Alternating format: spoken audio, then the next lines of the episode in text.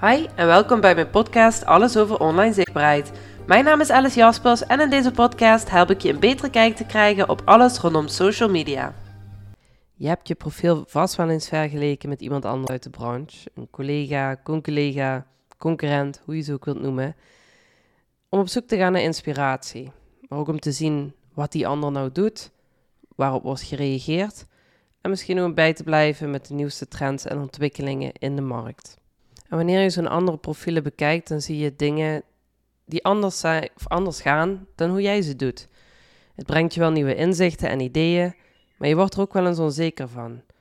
Want diegene heeft misschien wel dat aantal volgers die jij zou willen, of dat profiel ziet er ontzettend gestructureerd en mooi uit, en veel minder chaotisch als die van jou. Misschien is die ander net iets eerder met altijd die leuke actie bedenken, inspringen op die nieuwe trends, video inzetten terwijl je dat nog niet durft. Het lijkt erop dat die ander het veel beter geregeld heeft. En vooral het woordje lijkt is een belangrijk woord. En ik ga je even meenemen naar die eerste weken, maanden van mijn eigen ondernemerschap. Want er waren een paar profielen die ik volgde en daar keek ik ontzettend naar op. Het waren gestructureerde profielen. Uh, de mensen waren constant aanwezig. Ze hadden een mooi aantal volgers die ook nog heel erg betrokken waren. Ze schreven superleuke teksten hadden veel interessante dingen om te vertellen. En het plaatje zag er echt perfect uit. Van die website, het profiel, visitekaartjes, het maakt niet uit. En ik zag die opdrachten die die persoon kreeg, of die personen, de klanten die erbij waren. En ik voelde mijn gevoel gewoon helemaal omslaan. Want ik was aan het kijken en aan het rondkijken voor inspiratie. Maar wat ik terugkreeg was alleen een hele hoop onzekerheid. En nu heb ik het geluk gehad dat ik met een aantal van deze personen persoonlijk contact heb kunnen hebben. En dat was niet bewust gepland, want dat was gewoon toevallig dat onze wegen elkaar deden kruisen. En wat mij dus opviel was dat deze mensen ontzettend goed zijn in het in orde maken van het visuele aspect, het stukje communicatie, eh, structuur. En daarmee kunnen ze dus de juiste indruk wekken dat zij de professional zijn waar, waar je naartoe moet. En geloof me, dat zijn ze ook. Het zijn allemaal professionals. Ze zijn goed in wat ze doen en ze weten dat ook goed over te brengen. Maar wat ik ook heb geleerd, is dat achter de schermen het niet het perfecte plaatje was. Het kan zo mooi staan op social media. Die klanten die je hebt gehad, die opdrachten die ze hebben gehad, hè, de foto's die erbij horen. Maar of dat ook daadwerkelijk terug te zien is in hun eigen geluk, of dat nou financieel is of de positie waarin ze zitten, dat ontbreekt toch wel vaak. En dat had ik bij mijn eigen aanname niet meer in rekening gehouden. Want mijn aanname was, die ondernemer heeft alles onder controle. Die ondernemer doet het supergoed. Die krijgt de klanten zo binnen zonder probleem. Hele naïeve aanname, maar die was er wel. En dat komt omdat ik me deed vergelijken met dat perfecte plaatje.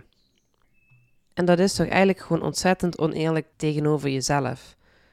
Want je kunt je niet met het perfecte plaatje vergelijken. Je kunt je leven niet photoshoppen. En je zult eerst moeten gaan testen en proberen en falen en hervinden hoe dat je online wilt zijn voordat het dat perfecte plaatje daar staat. Dat is niet iets, tenminste voor de meeste mensen, wat je in één keer kan vinden. Het voelt alleen zeer kwetsbaar om dat te doen in het publieke oog. Want je zal vast ook wel eens terug hebben gekeken naar je berichten van een paar maanden, jaren geleden. En als je dat nu ziet, denk je: oh nee, heb ik dat ooit online gezet? Heb ik dat op die manier gedaan? Maar dit is een leerproces. En geloof me, andere mensen kijken daar helemaal niet naar terug. Het is eigenlijk, ja goed, wij zien het terug en we denken: oh, had ik dat maar nooit online gezet? Nou, je verwijdert het en niemand herinnert het zich meer. Maar hoe zorg je nou dat je je bewust blijft wanneer je inspiratie zoekt? Dat je alleen het perfecte plaatje ziet. En dat dat niet overgaat naar onzekerheid, naar je eigen kunnen en je eigen weg. Allereerst is het dan belangrijk dat je bewust bent met wie dat je bent vergelijken. Is het iemand die echt exact hetzelfde als jij doet? Is het iemand die ook in exact dezelfde situatie zit? Bijvoorbeeld is diegene ook een moeder die niet uh, eh, 40 tot 60 uur met de onderneming kan bezig zijn. Of bij jezelf het vergelijken met iemand die nog vrij is van dat soort verplichtingen en veel meer energie en tijd kan steken in de onderneming. Is het iemand die voor dezelfde doelgroep gaat? Dat is ook wel belangrijk, want de doelgroep kan ook heel anders reageren op dezelfde soort informatie. Het ligt eraan dan hoe het gebracht wordt. Wat ik hiermee bedoel is, je bent jezelf aan het vergelijken met iemand die anders is dan jij. Het maakt niet uit hoeveel vergelijkenissen erin te vinden zijn. Er zijn altijd verschillen. En die verschillen, dat maakt jou uniek.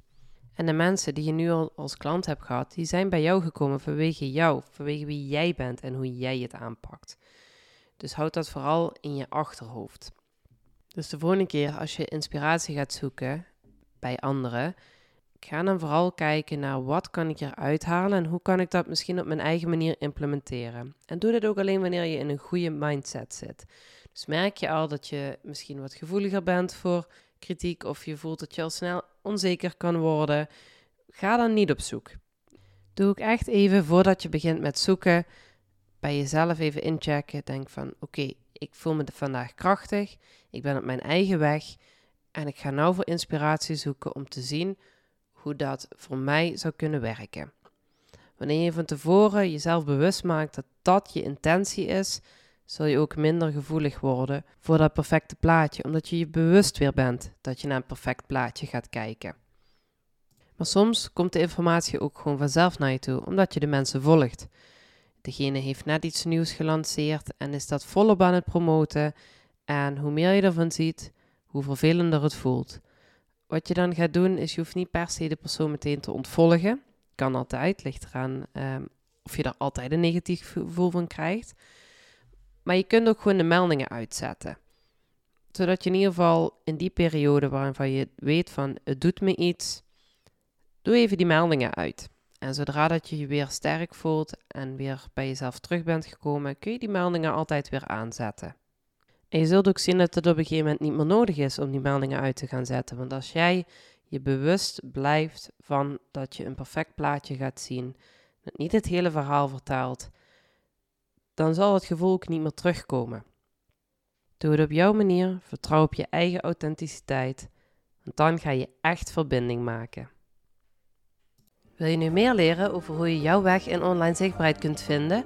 Volg je dan via happily.virtual. Laat mij via DM je bevindingen weten uit deze podcast. Vergeet je niet te abonneren, zodat je melding krijgt als de volgende aflevering beschikbaar is.